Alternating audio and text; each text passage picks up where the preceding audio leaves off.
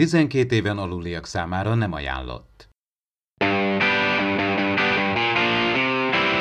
Ez itt az Impulzus Podcast, az űrszekerek Star Trek tematikus epizód kibeszélője. A fedélzeten Csaba, Attila és Dave.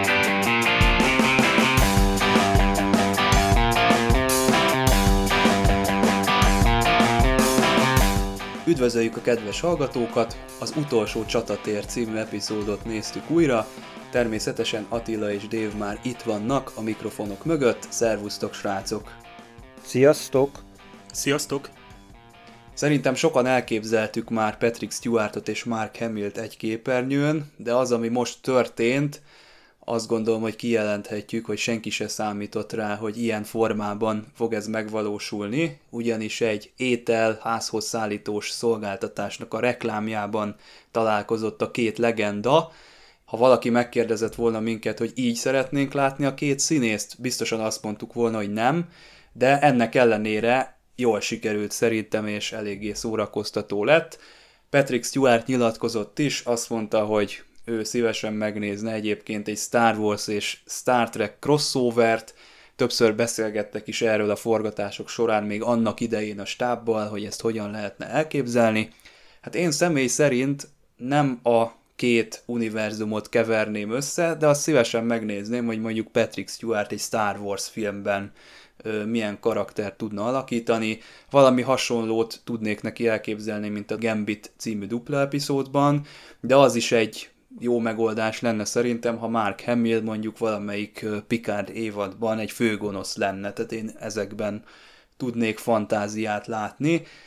Bármilyen más szifibe is mondjuk találkozhatnának, hiszen azért azt kell mondjuk, hogy azért nem csak a Star Trekbe jelent meg mondjuk például Sir Patrick sem, mert azért na, tudjuk azért a X professzorként, vagy a dűnébe is megjelent, Mark Hamilt meg tudjuk, hogy azért emlékezzünk, ha jól emlékszem, a Szíkesznek az első évadában szerepelt, tehát akár melyik szifibe el tudnám képzelni, sőt, még akár mondjuk az alapítványba is. Vagy mit tudom én, mondjuk Mark Hamilt mondjuk egy ilyen vendégszereplőnek a Pikárban, ha Daniel Craig játszhatott rohamosztagost, akkor Mark Hamill is átugorhat. Én mondjuk mind a két színészt azért kedvelem, bármit el tudnék képzelni, vagy ha mondjuk Star Wars-ban mondjuk Patrick Stewartot, hát esetleg valamilyen ilyen rejtőző Jedi mesternek el tudnám képzelni, mert ő neki ez a szerep menne, mert mondjuk egy ilyen zsoldos vezérnek a szerepe már, valljuk be már neki, ez már, ő már ehhez kicsit túl érett. Igen, és Sir Patrick is azt mondja, hogy ő meg el tudná képzelni a Luke Skywalker-t a hídon, bár erre azt mondta a Mark Hamill, hogy ő neki még azért lenne mit tanulnia, tehát ő, mint ugye az ellenállásnak a egyik vezetője, vagy a lázadók vezetője, tehát gyakorlatilag ő azért nem olyan fegyelemes szokott, mint egy Enterprise csillaghajó. Ez egy hatalmas fan teóriának a kiinduló pontja lehetne, hogy tényleg elkezdenének gondolkozni ilyenen, hogy, hogy bár ilyen forrában is ilyen Star Trek, Star Wars crossover létrehozni de gyakorlatban nem biztos, hogy olyan jó lenne, ha bár én nagyon, nagyon szeretem a Star Wars univerzumot, és én science fictionnek tartom, mert ott, ott jelentősen a technológiára épül. Tehát ott űrhajók, technológia, fegyverek nélkül, egyszerűen nem is a cselekmény gyakorlatilag egy lovagregény lenne mondjuk annélkül, vagy egy fantasy, aminek szintén nagyon jó. Tehát jól elmesél történet. Tehát a mesélése nagyon jó, hogy a Star Treknek is nagy erőssége a, a, a narratíva és így a két univerzumnak az erősségeit össze is lehetne akár gyúrni, de maradjunk abban, hogy külön-külön nagyon jól működnek, és szépen mennek a maguk útján. Most éppen pont úgy, hogy hát mindkét nagy hős ugye visszatért valamilyen formában, tehát Patrick Stewart is újra vette, magára vette, hanem is ugyanazt az egyenruhát, meg hát Mark Hamill se teljesen ugyanúgy, és ugyanolyan élénk Jedi lovakként vagy mesterként volt itt a három utolsó filmben. De ez a nagy tisztelet egymás iránt, ez tök jó, ugye ez a Uber Eats reklám, ez, ez zseniális, amiket ott ugye beszóltak egymásnak, ugye direkt ez a franchise-on belüli átszólás, itt ugye a, a Luke, vagy a Mark Hamill, ugye tényleg rosszul mondja ugye azt az ikonikus mondatot, és akkor itt még Sir Patrick vissza is kérdez, meg ott van egy ilyen pingpong párbaj, meg ilyen játékgépen is játszanak, tehát vannak eznek az egész forgatásnak rengeteg kis apró Egyébként nem is rég forgatták ezt, tehát ez gyakorlatilag egy teljesen friss reklám. Nálunk ugye nem fog ez látszódni, mert a szolgáltatás még nincs is nálunk, amúgy nem lenne rossz egy ilyen gyors futárszolgálat, vannak nálunk is jó kaja futárszolgálatok, de ez is egy ilyes valami is jó lenne. Hát pláne, ha mondjuk egyszer csak megjelenne Sir Patrick egy ilyen tényleg, nem tudom, mit kért ő, valamilyen ö, paradicsomos tortellinit, és kifejezetten paradicsommal kérte, jó angolosan ejtve. Most a Lower Decks aktuális részéből, a nyolcadik epizódjából fogok spoilerezni, vigyázat. Visszatér John Delancey Q szerepében.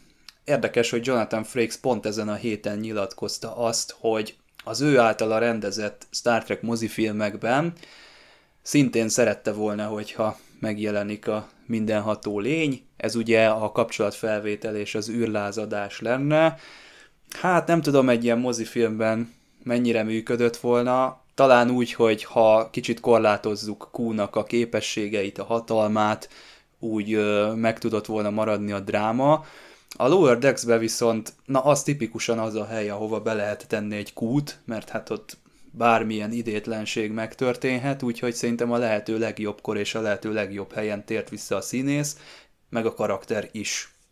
Gyakorlatilag én nevettem rajta, hogy hát ő eltévedt, hogy azt hitte, hogy ez is az Enterprise, ahol ott kedvére játszhat, hogy egyből megjelenik, és akkor ugranak, és itt meg gyakorlatilag azt láthatjuk, spoiler, aki nem látta, hogy gyakorlatilag itt szinte levegőnek nézik néha.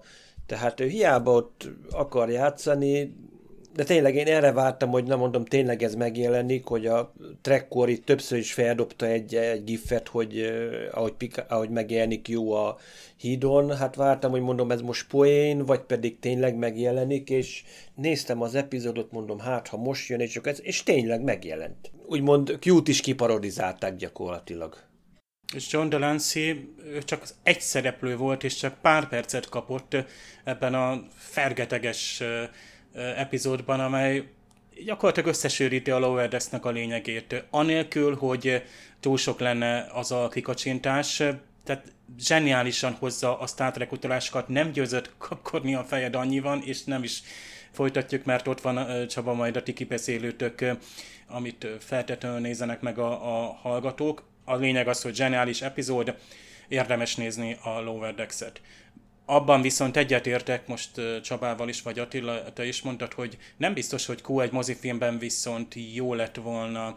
Tehát a mozifilmeknek a, elvette volna azt a drámát, amit, amit ugye jó mondjuk volt időutazás, és akkor ott is mindent helyre tudsz hozni, ott volt a Nexus, az is egy picit inok, hogy most ott is bármi megtörténhet. Tehát a Q-nak a csettintése az tényleg ez, ez, ez olyan, mint tudjátok a transporter vagy a replikátor, hogy, hogy bevisz egy olyan vonalat, hogy hát akkor majd Q úgyis helyrehozza a film végén a, a, a dolgokat. Nem kell küzdeni, nem kell áldoztot hozni. Habár Q nyitánya a TNG elején a legerősebb, ma is legkedveltebb epizód, és tényleg a pilot epizódról beszélünk, ami első évad gyengeségeihez képest nagyon jó. És a, a végső epizód és a Q-nak az ottani megjelenése is nagyon jó.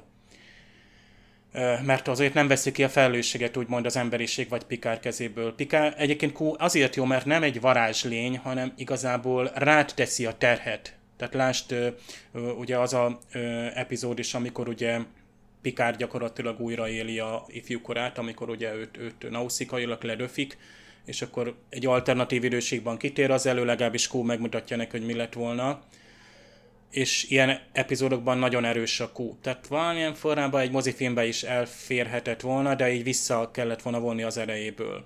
Olyan is volt, olyan epizód is amúgy.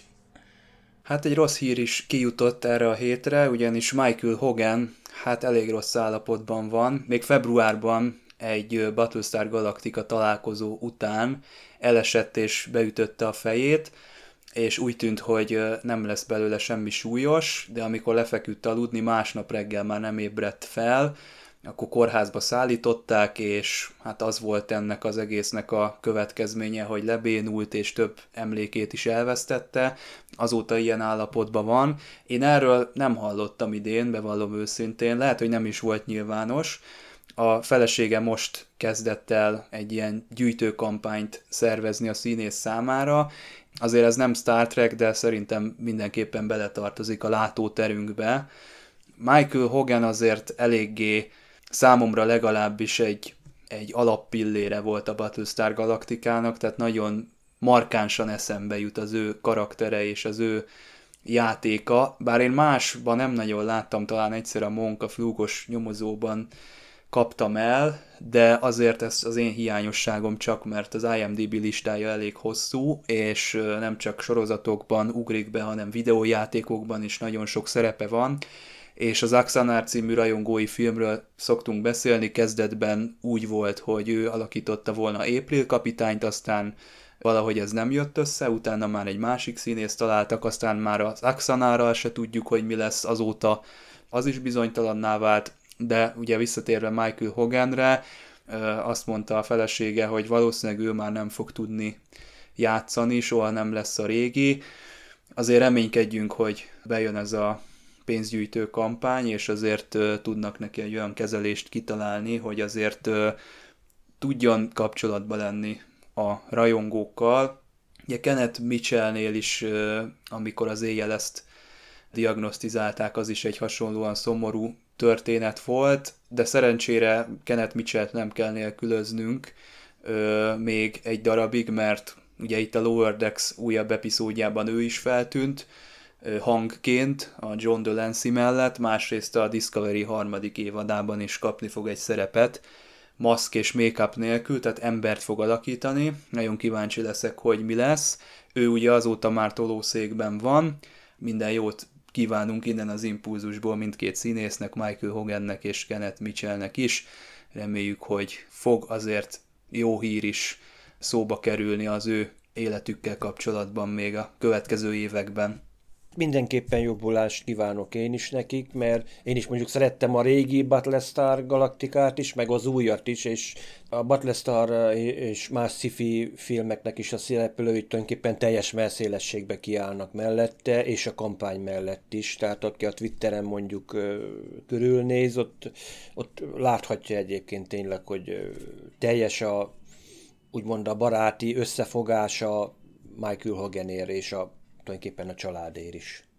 Kenneth Mitchell tehát jó azért arra gondolni, hogy ő most is aktív színész, tehát hogy nézem az IMDb adatlapját is, mármint most a Kenneth Mitchell-ét nyitottam meg hirtelen, ott ő, ő új sorosztokban is itt van, tehát itt, itt lehet látni, hogy, hogy azért csak megy a, az ő karrierje, reméljük a Discovery-ben is többször láthatjuk, egyelőre azt egyébként nem látom, de ezt ilyenekkel szokott játszani az IMDb hogy még semmit nem tudunk, hogy kit fog alakítani, és hányszor láthatjuk. Hát sorozat ajánlót szoktam csinálni itt néha, most egy könyvajánlót tennék meg, mégpedig Brandon Hackettnek megjelent az Eldobható testek című regénye. Én ezt azóta nem tudom letenni, most is csak azért tettem le, mert adásfelvétel van. Nagyon izgalmas az alapszituáció, egy naptevékenység pusztítja el a Földet, gyakorlatilag megszaporodnak a napkitörések, és az emberiség az arra kényszerül, hogy kiköltözzön a Jupiter és a Saturnus holdjaira, illetve különböző aszteroidáknak a belsejébe. Van egy tech guru, aki megszervezi ezt a kivonulást, de ugye felmerül, hogy mi van, hogyha ő tehet erről az egészről, és az egész csak egy nagy biznisz. Most nem spoilerezek, mert ez még a regénynek a fülszövegén, vagy az ajánlójában bőven benne van, és hát úgy kezdődik a történet, hogy Orlandó ügyésznő, ennek a történetnek a főhőse, éppen letartóztatja ezt a tech gurut, de nagyon sok skifi téma egyesül itt egyszerre, ugye itt van maga ez a tech istenség, aki napjainkban egy elgondolkodtató dilemma, hogy hát itt a szilíciumvölgyből származó cégek, országok fölé nyúlnak már, illetve ugye itt van a emberi evolúciónak a meggyorsítása, más lesz, implantátumok vannak az emberekben, ugye önmagában a változó gravitációs körülmények is más testfelépítést eredményeznek, illetve valamennyire ez a katasztrófa, ez rímel a mai globális felmelegedésre, csak mondjuk százszor annyira fel van tekerve, Szóval ilyen aktuális témák vannak egybegyúrva, de abszolút nem érződik az, hogy itt szemezgetve van, hanem olyan tök jól összeállnak és egymással összefüggésbe vannak, és elég pörgős a cselekmény, nem nagyon udatkozik az olvasó, úgyhogy én mindenképpen ajánlanám mindenkinek ezt a könyvet, skifi rajongóknak elsősorban, de amúgy szerintem mindenkinek ajánlható. Nekem is ki van jelölve, még nincs megvásárolva. Én én tavaly az Isten gépeinek a tíz éves kiadását, újra kiadását, újra átdolgozását vásároltam meg. Egy science fiction regény, ami 2008-ban született, de 2018-ban a szerző ezt újra gondolta, kibővítette, ilyen gyorsan változik a világunk, és hát Brandon Hackett, Markovics Boton tényleg olyan hogy így mondjam, menő és tényleg nagyon-nagyon izgalmas modern science fiction témákat hoz elő, tehát tényleg a mesterséges intelligenciától a technológiai szingularitásig, tényleg ez a poszthumán, transhumán lét fantasztikus, vagy voltak Xeno, ami az előző regénye, mondhatni, hogy a szerző is egyre jobb lesz, egyszerűen, ha ő az Egyesült Államokban élne, akkor már körülbelül ott tartom, mint a Marsi, hogy gyakorlatilag ő, ő már tárgyalna, vagy már nem tudom, az első hollywoodi filmjén túl lenne, bár egyelőre még szerintem ez a, inkább a kicsit még megvalósítatlan és nagyon nagy, tehát hardcore science fiction. Hát például csak az Isten gépei ott ugye mm, fülszöveg. Az ugrásnak nevezett kozmikus esemény során a Föld egy távoli, vörös törpecsillag körüli pályára kerül. A bolygó egyik fele örök sötétségbe borul, a napos oldali országokat menekültek milliói árasztják el. 20 évvel később Szófia, a genetikailag módosított budapesti lány már a közelgő technológiai szingularitásra készül. Ez még csak a fülszöveg eleje volt, és itt be is fejezem, mert ezt olvasni kell. Figyelem! A műsorban spoilerek bukkanhatnak fel.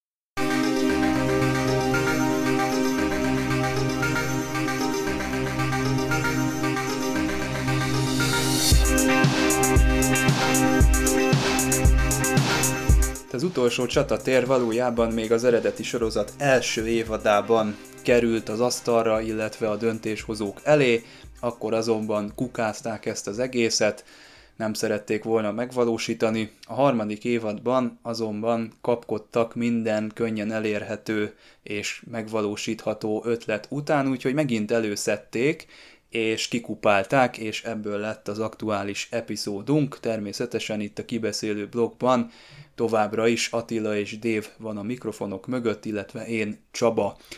Hát ez nagyon jellegzetes epizód, egyből mindenki tudja, hogy erről van szó, egy nagyon nyílt epizód, a mondani való az itt van a szemünk előtt, nem semmiféle átvitt értelem nincs benne, ez a puszta, nyers gyűlöletnek az értelmetlenségét mutatja tulajdonképpen be.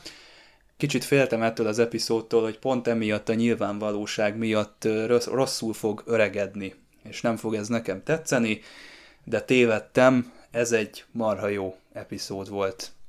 Ez is egy olyan epizód, ami mára is aktuális, tehát mi emberek, és ezek szerint az idegen lények is, hogy nem azt keressük a másikból, hogy mi az, ami hasonlóság, hanem egyből a, úgymond a különbségeknek ugrunk neki. És itt is azért a két idegen lény is gyakorlatilag egy egyetlen apró különbség miatt itt 50 ezer év óta, még kimondani is egyébként nehéz felfogni ezt a nagy időintervallumot, 50 ezer év óta gyakorlatilag körbe járták már a galaxist, egymást üldözve, minden csak azért, mert mind a egyik el akarja kapni a másikat. Tehát egy, egy ilyen gigantikus macska egér harcnak is mondhatnám, de ez egy, nekem mondjuk most már így, most újra nézve, nekem egy másik epizód jutott eszembe, az Enterprise sorozatban emlékeztek, a harmadik évadban, a Cindy évadban volt egy, hogy ott is volt egy ilyen polgárháború szindróma, ahol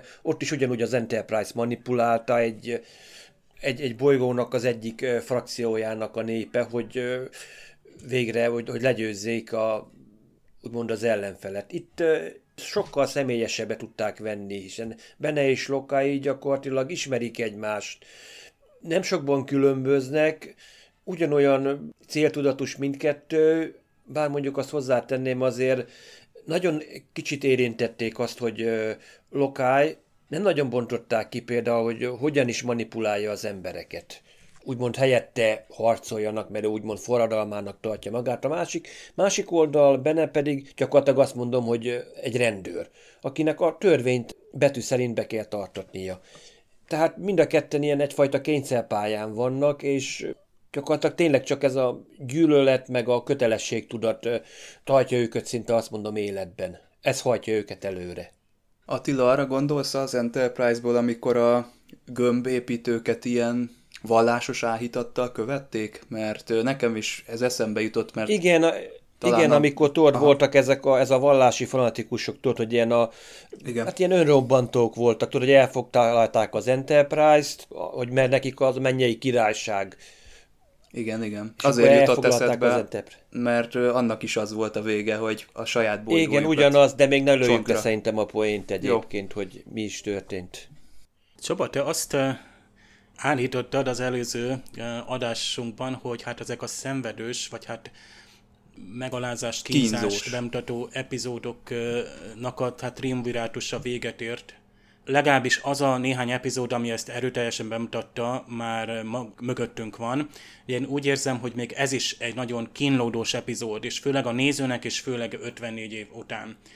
Én ugyanis azt érzem, hogy igenis, hogy öregedett ez az epizód, és nagyon is, bár a Star Trek akkor még nem követő volt, tehát akkor ezt, ezt így bemutatva rendkívül előteljesen, ugyanakkor nagyon ötletesen, tényleg ez a vertikális függőleges tagolás, ez tényleg a nézőnek is nagyon az emlékezetébe vésődött, mert itt, itt nem csak a bőrszínekkel manipuláltunk, bár itt majd itt a színekről lesz szó, hogy pont a, a, a színek meghatározása egyébként egyáltalán, hogy ugye akkoriban például 60 esetben még hogyan lehetett megnevezni egy más bőrszínű embert, Ugye itt a fekete-fehér, fehér-fekete, itt, itt kategorikusan azért csak fekete-fehér ez, tehát nem piros-kék, tehát csak itt van az az áthallás, hogy, hogy amerikai vagy földi társadalom, de azért ugye nem teljesen adaptálja, tehát az, azt a, a szituációt, amit ugye az 50-es, 60-es években mi látunk, tehát láss például a Green Bookot egyébként mindenkinek ajánlom, mert egy ö, nagyon jó film,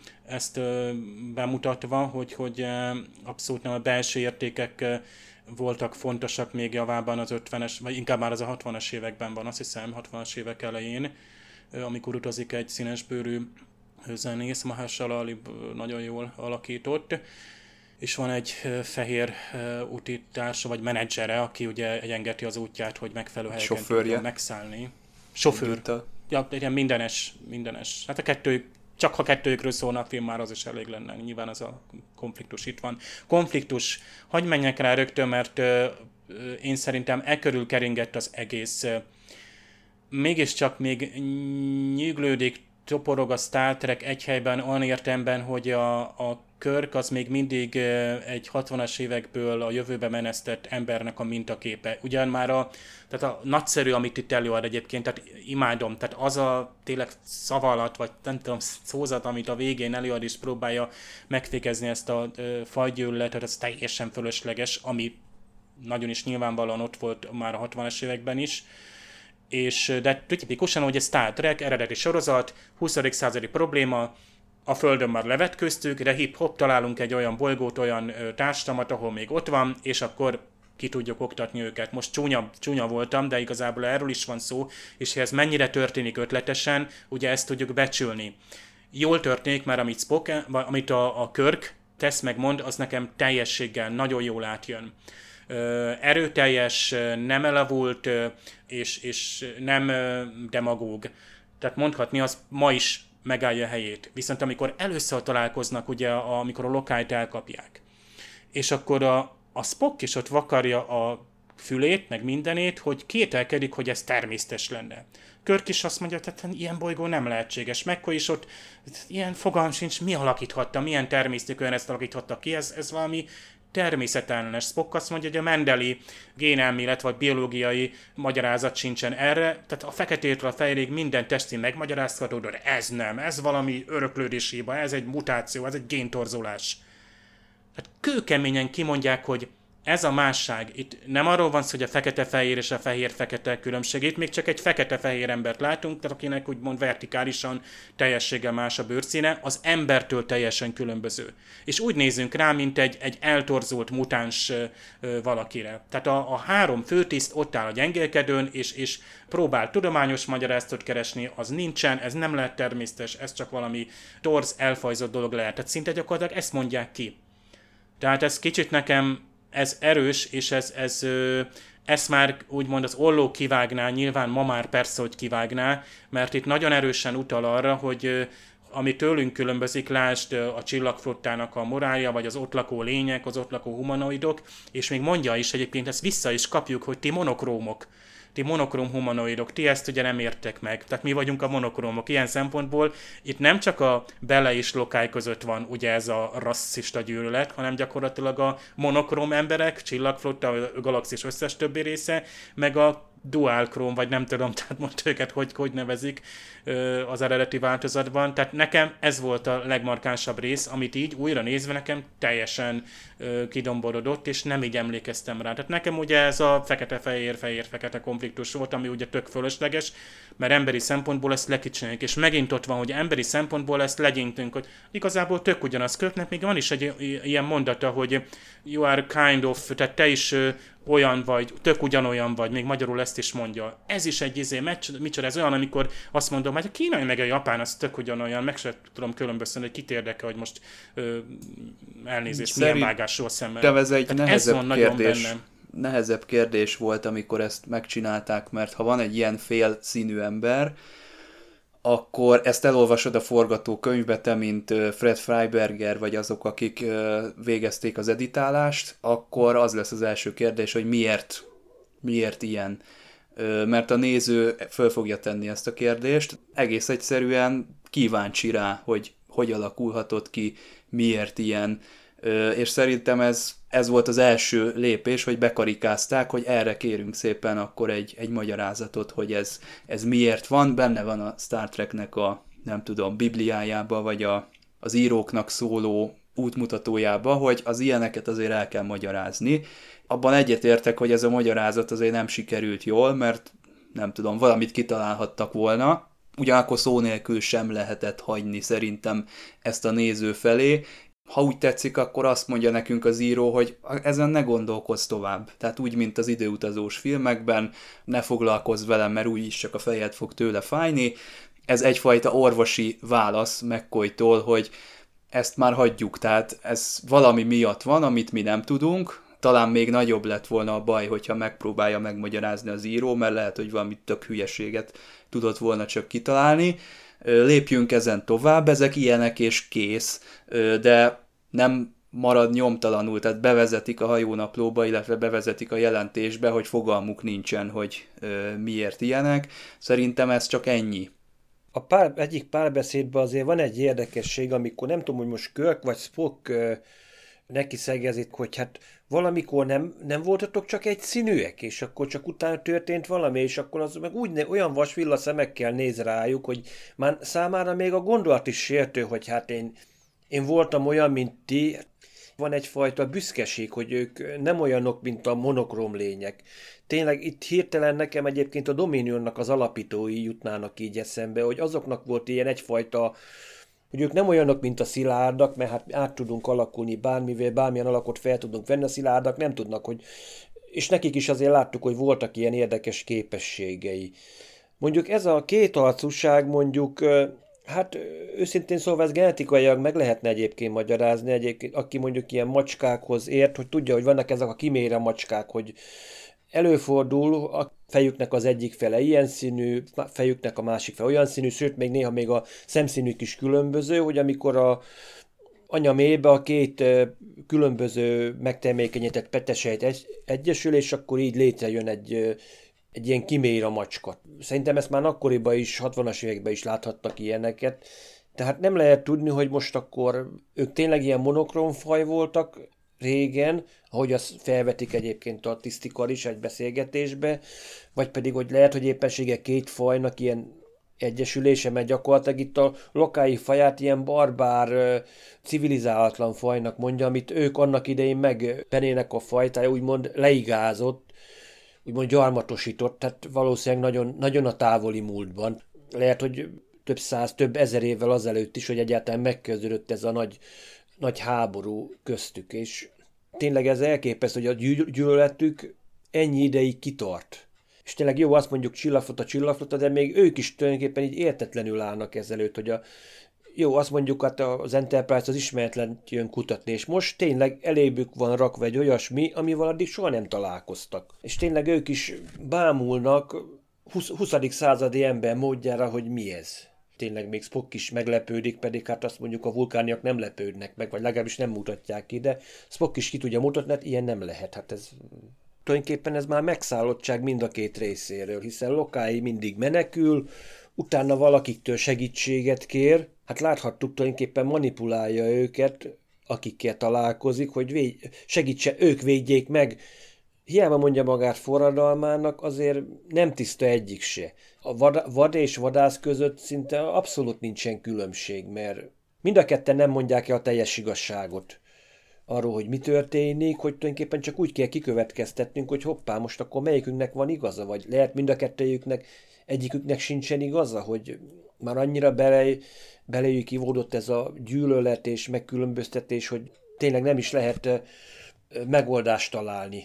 A problémát végül is a gyökéresztül megszüntessük. Gyakorlatilag csak azt mondjuk, hogy a, a halál fogja megszüntetni ezt a viszályt, ami kettejükben csúcsosodott ki a, azon a távoli bolygón, hát nem tudom mennyire távoli, mert hát a Körk azt mondja, hogy a galaxis túlsó felén van az a bolygó. Hát mondjuk érdekes, hogy akkor, hogy ismerik a bolygót, de hogy most akkor ilyen kétarcú emberek raknak rajta, ráadásul tényleg láthatjuk az elég fejlett technológia vagy képességeik voltak, hogy be tudnak nyúlni egy számítógépbe is, manipulálni tudnak gépeket is, erőterük, erőteret tudnak gerjeszteni, hogy most testi képesség vagy technológia nem tudni, tehát nagyon sok a nyitott kérdés számomra. Hát én inkább produkciós szempontból éreztem billegést. Itt ugye vannak ezek a furcsa zoomolgatások, amikor vörös riadó van, ezt én nagyon nem értettem, nem tudtam hova tenni, hogy miért. Volt például ugye a Ralph Szenenszki, neki voltak ötletes ilyen kamerakezelési és, és beállítási megoldásai, de de itt ezt, nem, itt ezt inkább ilyen erőltetetnek, vagy nem tudom, tehát furcsának éreztem inkább, mint, mint jónak, illetve ezek a festések sem voltak az igaziak már, hogyha így HD felbontásban megnézzük az epizódot. Eredetileg egyébként úgy tervezték, képzétek el, hogy nem vertikálisan, hanem valahogy így deréktól lefelé és felfelé lettek volna feketék és fehérek ezek az emberek. Érdekes, de szerintem mondjuk ez a félig fekete, félig fehér, ez koncepció szintjén tök jó. Aztán az, hogy ez a festék hogy néz ki, az már más kérdés, napjainkban már szerintem nem túl jól. És itt van hát Bélnek ez a láthatatlan hajója, hát ez egy olyan nyilvánvaló költségspórolási megoldás, hogy fájdalmas, tehát hogy így láthatatlan hajóval jön. Igen, tehát ez, ez, ez borzasztó volt a, az epizódnak ez a része. Aztán van ez a második világháborús archív felvételek a végén, az viszont nagyon jól sikerült szerintem, és nyomatékot ad az üzenetnek, amit át akar adni az epizód. Ugye a Bél 50 ezer földi éven át üldözte a lokájt az egész galaxisban. A hajója, az utazási módja is rendkívül szokatlan, és hát fejlett meg, amit tudnak is. Tehát olyan, mintha már ők tényleg egyfajta poszthumán lények lennének, a, már csak a, a tulajdonságokból adódva is komputer befolyásolás, most az mi által, mondjuk eredeti sorozatban nem kell feltétlenül megmagyarázni, ha egy technológiát tesznek oda, az is teljesen ugyanolyan hatású, hogy valami mikrocsipet oda tesz valóval a gépházban, olyat is láttunk. Most itt, most itt ezt így láttuk. Nyilván szükség volt, hogy sakban tartsa a legénységet, és hát, hogy Körk eljuthasson az önmegsemmisítésig. Ugye ez azon kevés drámai pillanatok egyik, amit ugye Hát egyúttal szívesen nézzünk, de hát együtt izzadunk a, a legénységgel, hogy itt most tényleg az utolsó-utolsó utáni másodpercben még ezt sikerül megakadályozni. Szóval azon el lehet gondolkozni, hogy ilyen fejlett lények még mindig egy ilyen alapkonfliktus, amit csupán a megjelenésben való különbözőséget jelenti, tehát hogy ez okoz egy, egy olyan társadalmi szakadást, bár itt ugye hát kialakultak a, tehát kialakult a, a, a rabszolgaság, az elnyomás, a, tehát a, a földi társadalomban is megfelelően kialakult, bár ott igazából a, nem feltétlenül, itt mondhatnánk itt a, a rabszolgaság mellett, ugye a, itt előfordul a, a genocidium, a népírtás is megjelenik, és még csak 20 éve vagyunk a második világháború után, tehát uh, elég, uh, tehát az amerikai sorosztok azért már ekkor azért jól és uh, megfelelő módon és helyen ki uh, tudták és merték ezt uh, mondani, és hát látunk is talán azok második világháborús felvételek, amik ugye a, ott a Sharononnak az állapotát mutatják, tehát tényleg valódi Igen. égőházakat látunk, ami döbbenetes és nagyon sötét, tehát egy Star Trek epizódhoz képest ez tényleg nagyon elénk teszi, akár a felújított változat, nem is tudom, hogy a felújított változat különbözik-e abban, a felújított változatban talán ez a komp megérkezés van csak így feltupírozva. Szóval erős, erős utalás ez a, akár a, a, a világháborúra is, és úgy még erőteljesebb az, hogy, hogy akkor, tehát mi alapján taszítunk szolgasorba, tekintünk alacsony rendőnek valakit. Erre még Csekovics csak ilyen történelmkönyvekből emlékszik, és akkor azt mondjuk, hogy itt jön be az az utópia, ami, ami viszont a, tehát a fény az alagút végén, hogy amikor örülünk, hogy visszazökkenünk, és túl vagyunk ezen az egészen, hogy jaj, de jó, hogy az, ahol most vagyunk, úgy értem a 23. század, ott már nincs ilyen. Tehát amikor felülégezhetünk, a, egyébként Csekov mindig a kezét tördeli, meg nem, tehát ő annyira izgul, meg az arcán kint van az összes félelem, tehát nagyon jó figura, meg megtestesíti a nézőnek ezt a félelmét és megnyugvását, hogy ez egy másik világ, aminek vége. Tehát az utolsó csatamező, ahol, ahol ők pusztítják egymást, sőt elpusztították egymást, és akkor igazából ennek semmi értelme nincsen, és nem volt semmi értelme, de akkor nem tudunk mit csinálni. Tehát csak a gyűlöletük maradt, és irány a négyes csillagbázis, megyünk tovább a jövőbe, ami azért egy élhető jövőt jelent. Tehát itt van az epizódnak az a pozitív oldala, és itt szerencsére nincsen arról, nincs arról külön diskurzus, pláne nincsenek nevető ö, részek a végén, tehát gyakorlatilag Körk nagyon röviden lezárja ezt egészet, és magára hagyja a nézőt azzal a rettentősök gondolattal, ami itt az epizódban ö, majd a nézése közben felmerült. Igen, David, említetted a kompos jeleneteket, ezek általában a hajótöröttek a The Galileo 7 című epizódból szoktak újra hasznosítva lenni. Szép szenvedő szerkezetet sikerült itt mondanom. Itt is azok vannak az eredeti verzióban, tehát aki azt nézi, az még talán le is tudja olvasni a komp oldaláról, hogy Galileo, viszont a felújított változatban ezt már átalakították, és a négyes csillagbázishoz tartozó Da Vinci kompot láthatjuk ott leszállni. Egyébként utolsó alkalommal láthatjuk a komphangárt az eredeti sorozatban, és a kompot majd a The Way to Aden című epizódban fogjuk utoljára látni, és ott búcsúzhatunk el az eredeti sorozatnak ettől az eszközétől.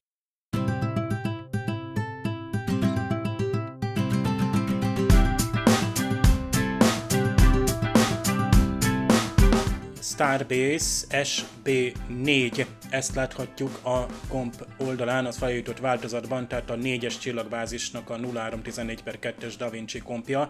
Annyira látványos az a komp hangár a feljutott változatban, vonósugár van, hangárfedélzet, zsilipajtók, minden úgy működik, ahogy egy csillaghajó működni kell, ezt imádom az eredeti sorozatban, felújítás nélkül is természetesen a, a lényeg ott van. Egy szabványos felderítő küldetésre megy az Enterprise, ugye az Arianuson, egy, egy baktérium invázió van, egyébként az eredetiben ez van, egy fertőzés, ugye egy fontos csomópont az űrkereskedelmi vonalakon, Space Commercial Lanes, nagyon jó ezt így hallani, csak egy ilyen kis közbevetés, nem kell ezt megmagyarázni, de a néző előtt azonnal elindul a fantázia, hogy milyen izgalmas lehet az űrkereskedelm is a 23. században. Szóval Decontaminate, ugye ismerjük ezt a különböző ilyen vírusos filmekből ezt az angol szót, tehát itt fertőtleníteni kell, ez a feladat. Egyébként a fertőtlenítés, hát a felújított változatban is ilyen minimális effektusokkal zajlik, szinte teljesen fölösleges, hogy ez hogy és miként történik. A gyengelkedőn zajló jelenet, azt hiszem én elmondtam erről a, a, a lényeget, tehát most föl sem idézem, bár nagyon érdekes, hogy az angolban a Spock még kifejezetten a Mendelt is említi, és a, a legújabb sejtani kutatásokat, ez egyébként nem jelenik meg a magyarban, ott csak biológiai vagy genetikai elméletről beszél, a Spock, hogy nem ismer olyan elméletet, ami ezt megmagyarázná, tehát ezért gondolja azt, hogy mutáció vagy géntorzulás. Egyébként mutáció estében sokszor az X-Men filmekre gondol az ember, és nem csak popkulturálisan, hanem egy erőteljesen ott is társadalomkritika van. Gondoljunk a legelső X-Men filmre, ami rögtön ugye ott, ott azt hiszem Auschwitzban kezdődik ott a fiatal Magnetó, de később is ez a, vagy a heterokrómia, mint eltérő színű szemek is megjelenik, amikor a, nem tudom, az ifjú X-professzor James McAvoy csapja a szejet egy nőnek. Keményen rámutat az is azért ilyen kalandos uh, szifis háttérrel az X-Men filmek, hogy a másság, mint X-meneknek a, ez a gén mutáció következtében, az mennyire probléma a társadalomban, ha majd ez be fog következni. Ahogy itt ebben az epizódban is ez a uh, alaptéma. Aztán persze McCoy és Spock között is van egy jó kis hát szóbeli csetepaté, a McCoy nem tud mit csinálni, itt ilyenkor a, ugye a, nem is tudom, a németben ilyenkor szokták mondani, hogy schulmedicin, tehát iskolai medicína, vagyis amit a, mondjuk, hogy az orvosi egyetemen oktattak és szabványos gyógyászati eljárás. Hát McCoy is nem tud mit csinálni, nem tud prognózist adni, még nem volt sose ö, dolga ehhez fogható lényel, és éppen ezért egy ilyen, ilyen ö, gyakorlatilag standard ö, kezelést, ö, nyugtatást ö, alkalmaz és hát itt pont ez a gondja például a Spocknak, azt mondja a Spock, hogy pumping him full of your noxious potions as if he were a human. Tehát telepumpálja őt a mérgeivel, mintha emberi lény lenne. Ugye human, ugye az kifejezetten az ember, emberi lény. A magyar meg az angolban is jól ö, visszaadják. És egyébként a Mekka jól válaszol, hogy when in doubt, the book prevails. Tehát két esetén a könyv uralkodik itt csúnyán mondva. Egyébként magyarban ezt nem mondja, hanem azt mondja, hogy minden humanoid hasonlít egymáshoz. Teljesen más mond, de jól kimondja, hogy a vér az vér, míg olyan zöld is, mint a magáé. Tehát benne van a csipkeőrés és a, a Spock felé, és a mccoy igazából valamilyen szempontból igaza van. Jelen esetben csak ilyen alapkezeléssel tud segíteni a lokáinak. Aztán a lokály természetesen itt, itt csak távolról hallott a föderációról, United Fleet of Planets, tehát a bolygók flottáról beszél, kör kijavítja, hogy ez föderáció.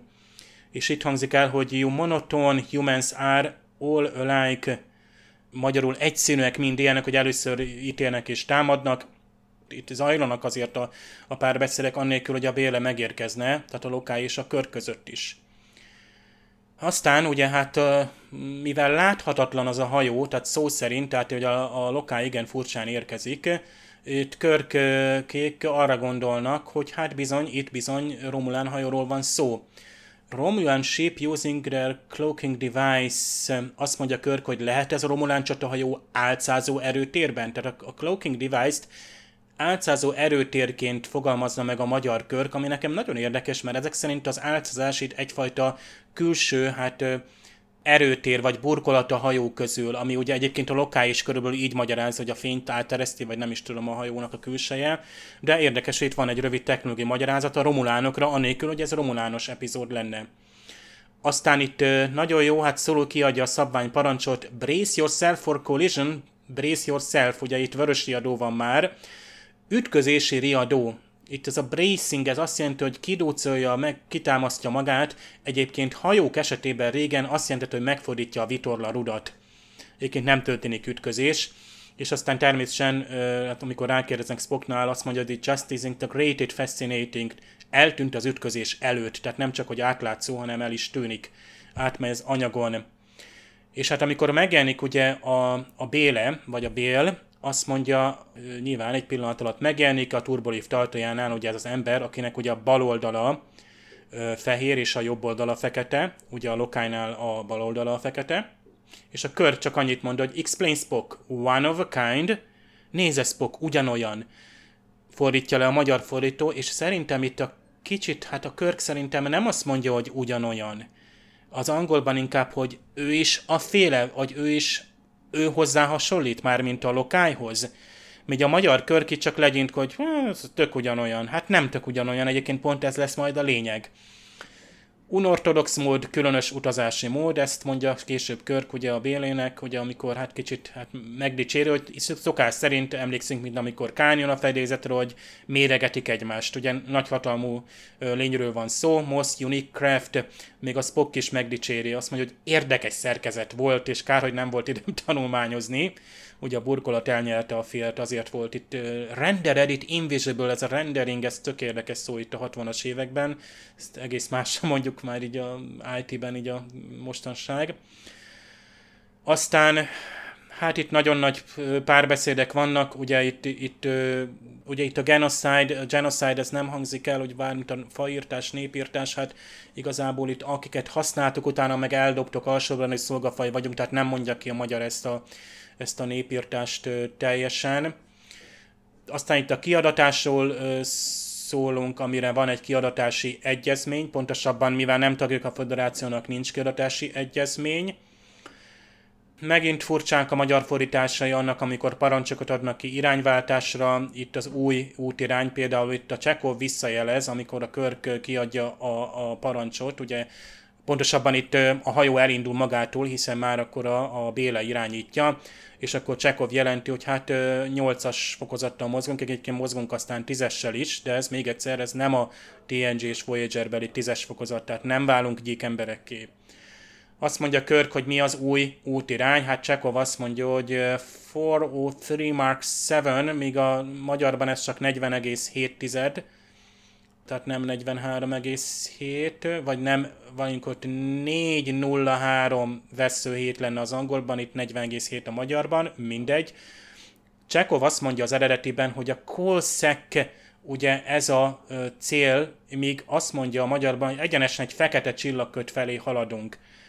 De jót mond a magyarban, ugyanis az a Kolszek Nebula, magyarul szenezsák csillagköd, ez ugye egy földtől 600 fényéveni távolságra lévő sötét köd a Crux csillagképben.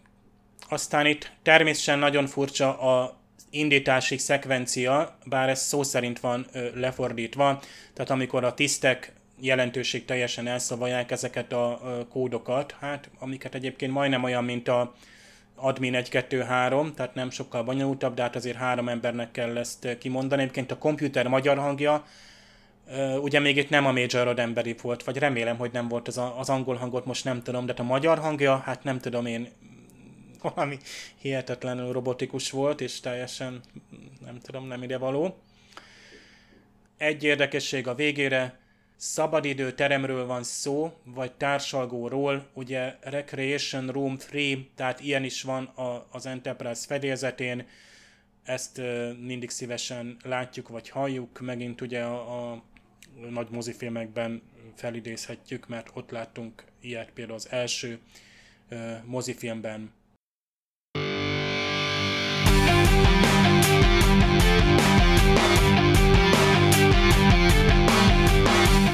Az önmegsemmisítő rendszer beindítása egy kicsit ilyen vadnyugatira sikerült, rá van zoomolva a szereplőknek a szemére, a szájára, nagyon feszült a hangulat, ennek a megvalósítása is szerintem kicsit túl lett tolva, tehát itt rendezés, produkciós szempontból én nem vagyok teljesen elégedett ezzel az epizóddal.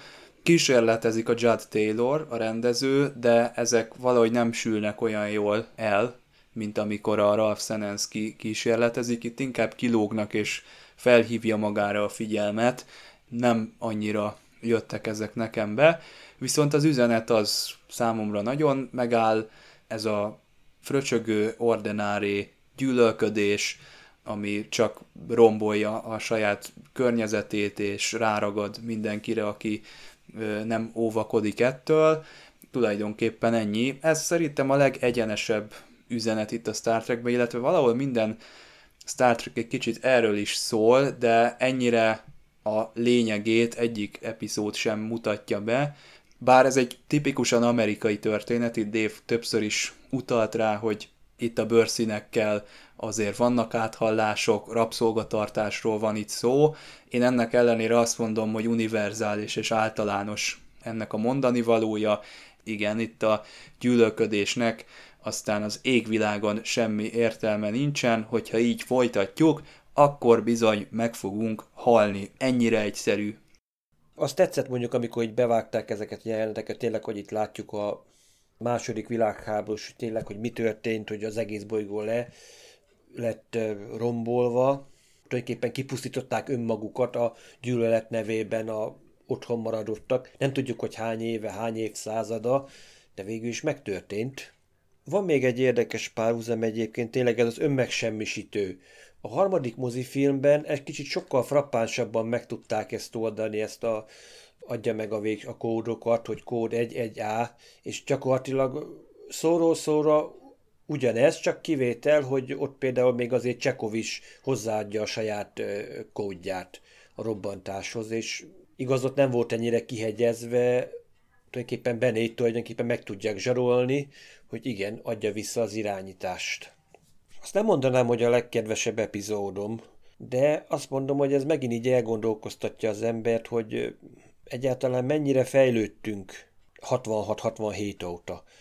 Hogy egyáltalán mennyire tudunk majd később fejlődni, tényleg itt látva itt a csillagflotta tiszteknek a tanástalanságát is, amikor meglátják, hogy még nekik is tud az új univerzum olyasmit mutatni, amit, amit fölött nem tudnak úgy elmenni, hogy elborzadnak, hát látszik, mint Scotty. De ennek ellenére azt mondanám, hogy erre az epizódra én is mondjuk tízes skálán adnék egy kilencest, mert szintiszta, teljes erővel sugárzó gyűlöletet láttuk ábrázolva, és ez szerintem ez erre az epizódra is szükség volt ahhoz, hogy megmutassuk, hogy igen, me, milyen nagy a kontraszt egy utopisztikus világ, és egy efféle totális, mindent kitöltő gyűlölet között. Lokájt úgy is fel lehet fogni, mint egy szabadságharcos, hiszen el akarta tüntetni azt a zsarnokságot, tehát ő egyfajta, hát Spartacus volt, tehát nem biztos, hogy még az egy, tehát például a polgárügyi mozgalmaknak felelt meg azt, amit ők csináltak. Nem voltak jogaik, nem egyenlő szinten voltak, tehát pont azért nem lehet megmondani így, hogy ez mennyiben feleltethető meg a, a földi társadalomban, lásd egy, egy egy polgárháborúnak, vagy a rabszolgaság elleni küzdelemnek, vagy a, a rasszizmus, intolerancia, meg egy gyűlölet elleni küzdelemnek, de hát körülbelül erről, erről van szó. Csak ugye ez, ez a harc is elmérgesedett. Tehát a szabadság harc is el tud úgy mérgesedni, és a, a gyűlölet egyszerűen kikristályosodni, és, és egy ilyen önálló entitással, vagy élet, itt neveztesen itt a céljuká válni, úgyhogy már régen véget ért a háború, és kipusztították egymást. Ez nagyon jó befejezés, mert ezzel nagyon röviden elvágja azt, hogy nem, nincs béke. Tehát nem, tehát igenis, hogy van, amikor a, a gyűlölet az nem oldható meg, és a, akár az utópia vagy a, a pacifista ö, jövőkép az nem valósul meg. Amit itt eszményként látunk, azt, azt egyértelműen a, a Körk képviseli, tehát nagyon tetszik, amit, amit mond itt a kettők megfegészése, nagyon tetszik az a kategorikus hozzáállást, hogy nem, nem megyünk, nem visszük el magunkat a, a bolygójukra, mert nekünk éppen egy, van egy küldetésünk, és még utána is majd a csillagbázison majd ott szépen helyre teszik önöket. Tehát itt, itt nincs az a beavatkozás, pedig ugye Körtnél ez a cowboy diplomácia még azért belefér, de nincs, nem avatkozik be, és nem játszik egy ilyen hadulat, aki eléri a következő szektort, és akkor arra ráhúzza szépen a föderáció törvényeit, akármennyire is pozitívak és toleránsak azok. Itt teljesen korrektül cselekedik körkapitány. Kíváncsi van egyébként, hogy ezt így újra és újra feldolgozva tényleg a Star Trekben is biztos, hogy most lehetne akár epizódokat sorolni, hogyan változik meg akár a, például a kapitányok hozzáállása ahhoz, hogyha egy ilyen, ilyen extrém és már kezelhetetlen konfliktussal találkoznak egy társadalmon belül, ugye ez volt egy, ugyan egy ilyen TNG epizód, aminek során a béke, nem béketárgyalások, hanem csatlakozási tárgyalások folytak, ugye a Keszprit, azt hiszem ez volt a bolygó neve, voltak a Keszek, meg a Britek, és ott is nagy gyűlölet volt a két nép között, ilyen bizalmatlanság alapvetően, és a Pikát meg a, a, a Beverly Crusher-t így elrabolták, és akkor őket így ráadásul össze is kapcsolták így mentálisan, és így hát egymás gondolatait voltak képesek hallani és egy jó epizód sült ki belőle, meg az, hogy még ez a bolygó nem alkalmas a belső konfliktusok miatt a, a csatlakozásra. Ez jött ki a végén. Tehát még egy széthasadt világ. és hát van, van, aki nem méltó, vagy még nem alkalmas, inkább úgy mondanám, nem alkalmas a föderációba való belépésre, de ugyanakkor van, aki alkalmasan kell ér, hogy harcos múltja van. Nézzük meg az Andort. Az andoriak azért nem, nem éppen egy békés népség, de a föderációnak a alapító tagjai között ott vannak, mert, mert tudnak együttműködni, illetőleg a saját bolygókunk belül már nincsenek konfliktusok, bár itt is most résztekbe mehetnénk, Önmegsemmisítés, közeli képek, hát engem is meglepett, ez így, így Star Trek-en belül is teljesen új, és ezért érdekes, hogy jön egy, egy, egy olyan rendező, aki ezt eszköznek tartja. Tehát ez, ezzel tényleg a drámaiságot szerette volna fokozni. Én szerintem el is érte, mert főleg a westernekben ezek, ezek jelentős momentumok lelassítják a cselekményt, kiemelik az elhangzott szónak a hatását, növelik a feszültséget, és hát ha jól tudom, ez az első megsemmisítés volt egyáltalán a Star Trekben, mert a illetve volna, ilyetől nem tudják megállítani. Sajnos a sorozat így is véget ér majd egy jó tíz epizód után, sajnos. Egyébként már 1969-ben vagyunk, tehát már ez egy 69-ben bemutatott epizód, öt hónap múlva hodraszállás, tehát itt mennek a, az, az, az, tehát modern időket élünk már, de természetesen még az Apollo program messze még az, amikor a színesbőrű hölgyek feljönnek onnan lentről a komputertermekből, és ők is mondjuk az űrbe mennek. Önmegsemmisítés mondta itt Attila Star Trek 3-ban, hogy jobb ugye az egésznek a dramaturgiája, ott ugye Csekov is közreműködik, de hát aztán például a TNG-ben ott van például ott a binárokkal való epizód, ahol úgy hát Pikár és Riker nem látnak más megoldást, mint megsemmisíteni a hajót. Ott ugye kettőjüknek kell, hogy közösen dolgozni azt hiszem egy konzolon, Lásd, nem is tudom melyik ilyen hackeres filmben volt, hogy egy darab billentyűzten két ember gépelt egyszerre, hogy gyorsabban mozogjanak.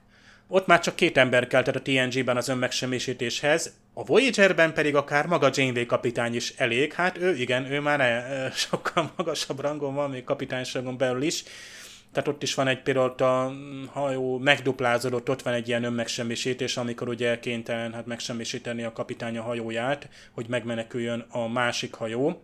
Szóval elég izgalmas dolog az önmegsemmisítés, hogy mikor tudjuk ezt használni, tehát például a harcászati célokra mindig valami végső megoldásként tekintünk rá. Itt igazából, ha ezt elhagyjuk, így is elég feszült és drámai az epizód. De jó volt benne, hogy például nekem ez a felújított komphangáras jelenet kifejezetten tetszett, tényleg, ahogy beszállott a komp, ott se volt túl sok mutatva, de, de tetszett, hogy tényleg egy komoly, hát a hangár fedélzetről beszélünk itt, ami a TNG-ben azért már jobban van ábrázolva, és hát a, gondoljunk a Discovery-ben meg már egyenesen ilyen többszintes, hatalmas csarnokot ö, ö, látunk. Nekem is az az epizód, ami nem a hát legszívesebben újra nézős, de Star Trek nézők, nézőknek, tehát ha mondjuk egy válogatás csokrot kell átadni a jelentős epizódokból, amiket újra és újra kell nézni, és újra kell értékelni, vagy magunkban is, hogy hol tart most a Föld, és halad-e a Star Trek világa felé. Egyébként én azt mondom, néha én is látom azért, hogy ott a tengeren túlon mi zajlik, és azt mondja az ember, főleg így idén történtek olyan dolgok, hogy azt mondod, hogy úristen, visszazuhantunk a nem tudom, 60-as, 70-es évek, de a másik oldalon úgymond a, azokra az eseményekre adott reakciót, amit fajgyűlölettel, rasszizmussal kapcsolatosak, sokkal ö, nyíltabbak, szabadabbak és teljességgel, tehát vagy ahogy a média is ezt közvetíti, közvetítheti, vagy a fikciós ö, televíziós sorosztok ezek teljességgel elénk teszik, ahogy a Star Trek itt már elkezdte, hogy kimondja, eléggé nyíltan egyébként, és vaskosan elénk tárva, és ezt úgymond folytatják, és mai napon is azért egy, elmondhatjuk, hogy olyan világban élünk, ahol a, egy ilyen sorosztot nem vesznek le a műsorról, vagy egy ilyen epizódot, ahol elég kemolyan kimondják, hogy a, akár a mindenkori amerikai kormány, vagy elnök, vagy bizonyos politikai csoportok helytelenül viselkednek egy társadalmi problémával kapcsolatban. Tehát ezt a, kimondhatja a, a televízió, kimondhatják, leírhatják az újságok, ezzel ugye a, a toleranciának, a nyíltságnak, a transzparenciának az újabb és újabb fokozatait tárva a társadalom elé, és akkor így, így lassan azért haladunk a Star Trek világa felé, és én mindig azt szoktam mondani, hogy a vulkáni kapcsolat felvételének is el fogunk jutni azt, hogy az embernek a, a belső világa, vagy az erkölcsi tartása is, meg a technológia is eljusson egy olyan szintre. Akkor lehet, hogy jó, ezer év múlva lesz majd térváltás, vagy térutazás, de, de el fog jönni az a világ, amikor a Csekovvel együtt rácsolálkozunk, hogy hát valamikor múzeumban, vagy nem is tudom, régi felvételeken hallottam ilyenről vagy erről, hogy uh, ilyen drasztikus dolgok történnek, és hát uh, ugyanakkor hallani kell erről, tehát például föl kell idézni. Például ezt megint eszembe jut ez a Giver, az Emlékek őre című film, amikor is már egy teljesen nyugodt, békés, ilyen leszedált társadalomban vagy, nincsenek érzelmek, nincs szex, semmi sincs, és viszont egy embernek vagy fiatalnak átadják a múltnak például a háborúkat, pont az ilyen fajgyűlölet népírtásnak az emlékeit, hogy legyen, aki emlékezzen még, hogy ne történjen meg újból. Tehát kellnek ilyen filmek, kellnek tehát olyan filmek, mint a, mint a, a Schindler listája, tehát kellnek időnként ilyen nagyon markánsan, és tényleg a, amikor az arcodról leveszik azt a bőrt, és akkor érzed, hogy, hogy te is ott pirulsz a, azoknak a helyében, vagy azok mellett, akik ezeket elkövették, hogy talán tovább léphessünk.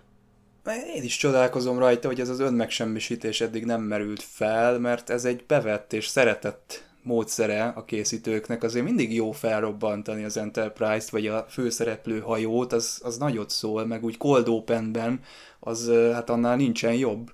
Ugye a TNG-ben a Cause and Effect, az annyira jellegzetes, hogy a All Hands Abandon Ship így üvölti a Picard, és felrobban a hajó. Ez annyira markáns jelenet, hogy ezt még akár el tudom képzelni, hogy a Lower Decks is egyszer majd így fog kezdődni.